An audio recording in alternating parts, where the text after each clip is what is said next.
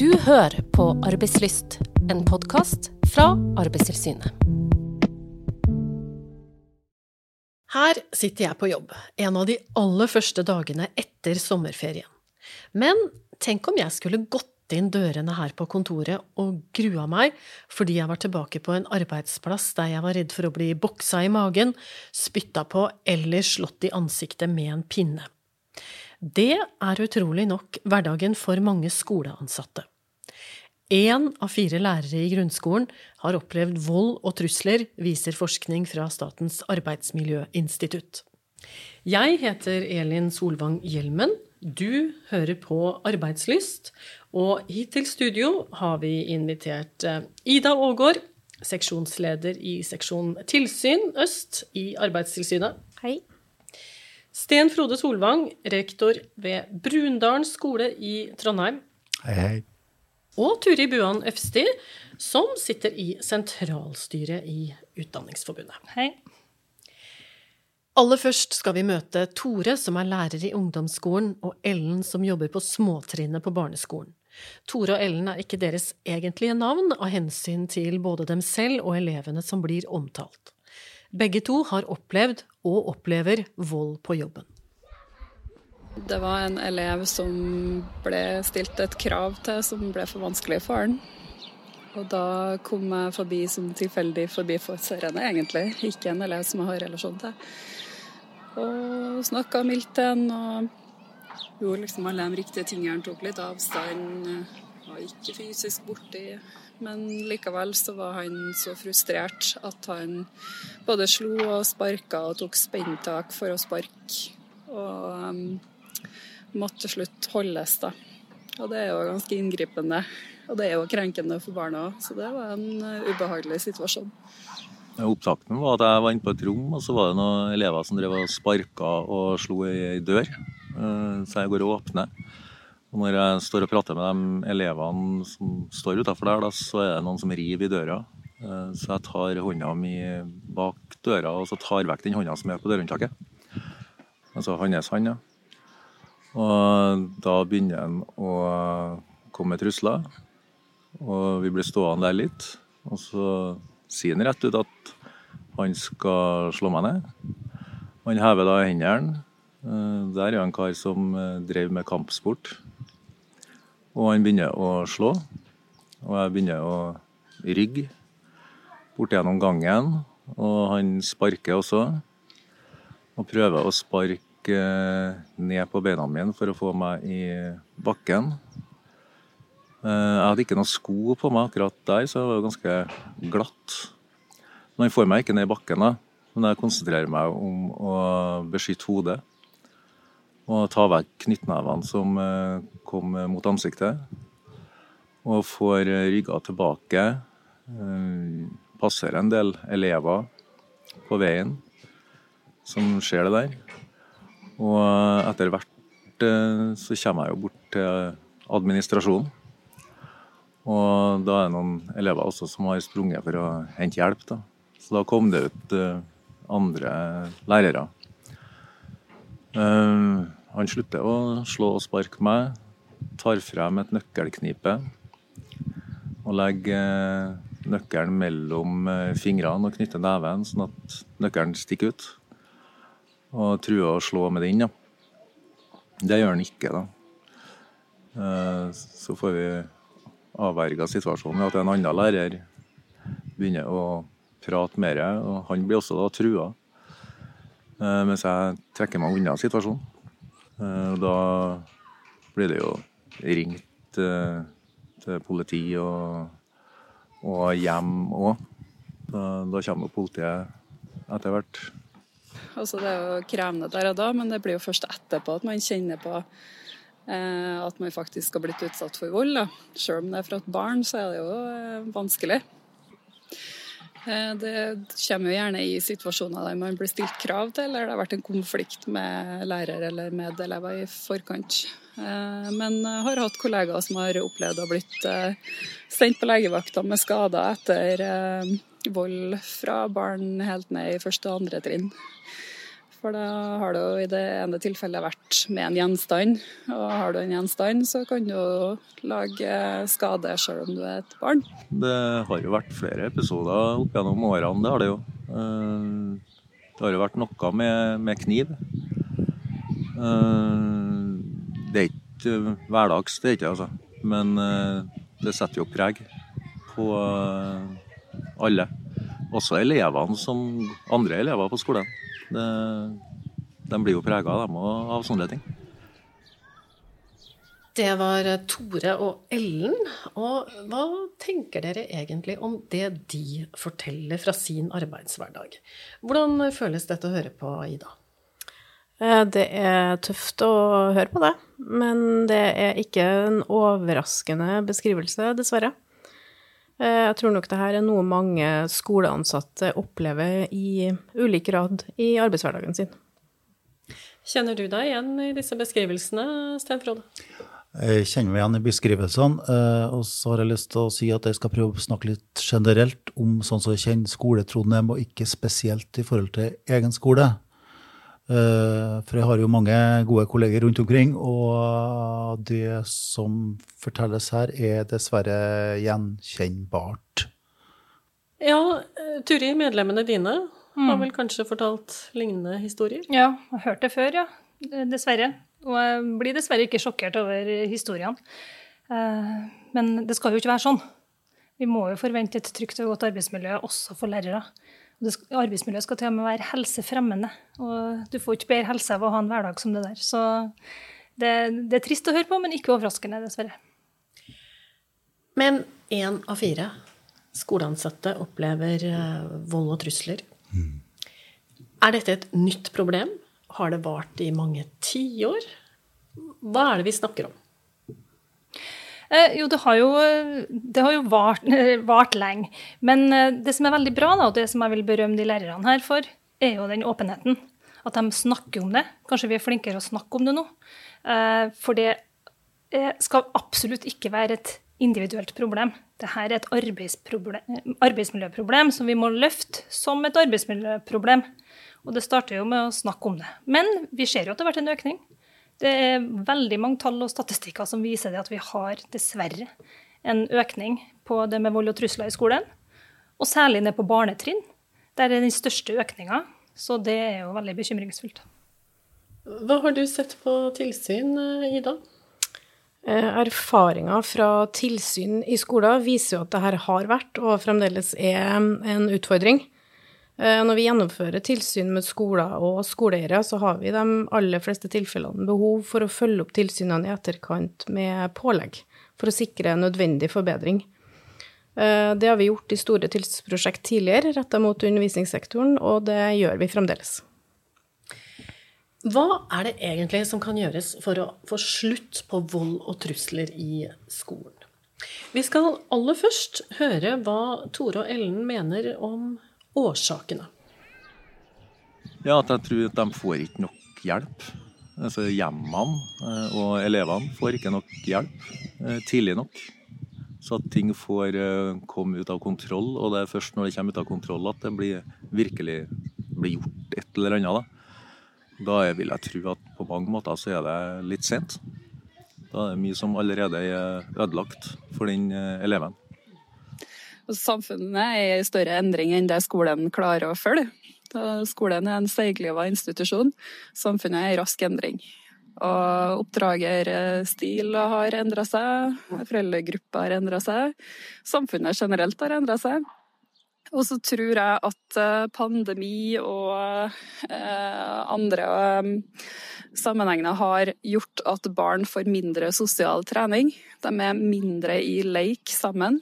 Vi gjennomorganiserer fritida deres.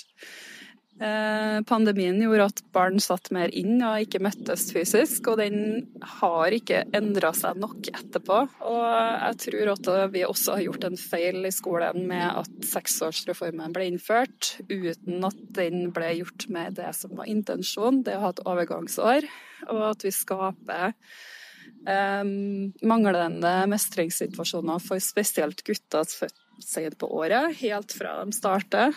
Eh, med å sette dem i en undervisningssituasjon som de ikke er skapt for å mestre. De er skapt for å røre seg. Og jeg tror at én løsning er å ta tilbake det overgangsåret mellom barnehage og skole, altså første trinn. At man timeplanfester frileken, rett og slett. Ja, seksårsreform, pandemi eller en ny måte å oppdra barn på. Jeg er nysgjerrig på hva dere som sitter her, tenker om årsakene til vold og trusler i skolen. Eh, Sten Frode, hva, hva er det som er årsaken her? Ja, her var det mye å gripe fatt i. Men eh, jeg kan jo si det at eh, det her med den såkalte seksårsreformen, som begynner å bli ganske gammel nå, da. Den kom jo i 97.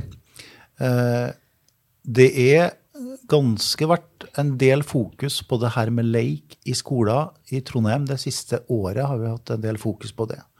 Og det er også grupper som har prøvd ut det her med å ha med leik. Og jeg har vært tydelig på det i mitt eh, kollegium at leiken må ha sin naturlige plass. Det er så mye man lærer gjennom leik. Så på min skole på Brunaren så er, har leiken det året som har vært, nå vært fast. Hver dag har det vært leikeøkter. Nettopp fordi at det ble nevnt de guttene her som er født litt sent på året. Jeg var født 28.12. sjøl, så jeg vet hvordan det er. men, eh, men, eh, men, igjen, det med leiken er jo kjempeviktig. Turi, dette er helt åpenbart et problem. Hva er det som er årsaken her? Jeg tror det er veldig mange årsaker. Jeg tror, jeg tror det er sammensatt. Skolen lever jo ikke i et vakuum. Eh, så det er jo et bilde på samfunnet òg. Bare i helga nå så, så vi jo at, eller hørte i nyhetene at det var 13 år gamle jenter som uh, slåss. Mm. Uh, de blir sendt på sykehuset. Siste jeg hørte i nyhetene nå, var i Kristiansand. det skjedde i Trondheim. Altså det er veldig mye i samfunnet for øvrig òg. det filmes og det deles. sosiale medier. Så det er, det er, en trist samfunnsutvikling, da. Og det er klart at foreldrene har et stort ansvar. Men over til skole, da um, som ikke lever i dette vakuumet her, så må vi jo se på har vi nok bemanning, altså har vi nok lærere i skolen, og har vi nok kompetanse, altså riktig annen kompetanse, spesialpedagoger, miljøterapeuter, uh, til å møte det her. For, um, og vi òg, hvis jeg får si litt om skolestarterne og seksåringene, så er vi også i Utdanningsforbundet opptatt av de minste. Det har vært, Nå er den jo eh, evaluert, seksårsreformen, og det har vært et større læringstrykk nå. Eh, det gjør jo noe med ungene. Eh, så vi må heve leken og lekens status, frileken spesielt. Det er veldig mye sosial læring i leken, så vi er helt enig i det. Det, det, er så mye å ta tak i, er det som ble sagt her, da. Eh, liten fokus også på det her med skole-hjem-samarbeid, så tror jeg er kjempeviktig. Hvis man ikke har med hjemme på laget, så blir det vanskelig, altså. Så det her med en god dialog skole og hjemmet der det er elever som sliter, er superviktig. Og så kan det godt hende at den pandemien har fortsatt noe å si, for det, det har gjort noe med en del sosiale vaner. det hadde gjort. Men jeg, jeg, prøver å være litt forsiktig med å legge for mye på pandemien, da. Eh, og så har vi det her faktorene, eh, faktorene med at det er flere yrkesgrupper inn i skolen. Og det er også veldig viktig. Men mange av de eh, elevene som har utfordringer, de får gjerne eh, oppfølging av assistenter, barne- og ungdomsarbeidere, fagarbeidere, miljøarbeidere. Og det er kjempeviktig at de også får den opplæringa de trenger for å kunne håndtere det her på en god måte. da. At, eh, altså, jeg har sagt litt på spissen da, at eh, den eh, med dårligst forutsetning skal håndtere de vanskeligste barna. Det er en situasjon vi må ikke havne i, da. Bekymringsfullt, Turi? Ja, det er jo bekymringsfullt. Altså, det, det, lønner seg å satse på barn og unge. Og, da, og mye av de tiltakene som ville ha hjulpet, vi kommer kanskje tilbake til tiltak, men det, det koster jo penger. Eh, så det er noen som har et stort ansvar her, ja. Apropos løsninger og tiltak. Arbeidstilsynet har i år et stort fokus på skolesektoren. Vi arrangerer kampanjer, gratis webinarer og lanserer i høst en egen opplæringspakke for skoleeiere, som jo da oftest er kommuner. Ingrid Litleskaret er seniorrådgiver i Arbeidstilsynet. Hun jobber med veiledning og tar oss her gjennom seks råd som kan bidra til å løse problemet. Det første rådet jeg vil gi, handler om å anerkjenne vold og trusler som et arbeidsmiljøproblem, og ikke som et individuelt problem. Skoleansatte skal ikke stå alene med denne belastningen. Det andre rådet handler om å få oversikt og kontroll over utfordringen. Og det er det som ligger i kartlegging og risikovurdering. Det skal du få bistand fra bedriftshelsetjenesten til å gjøre. Det tredje handler om å ta opp eh, utfordringen på arbeidsplassen, og rett og slett snakke om det. Det hjelper deg å få oversikt over hva de ansatte står i, og hva de trenger informasjon om for å forebygge og håndtere situasjoner. Her kan du f.eks. ta i bruk et kunnskapsbasert verktøy.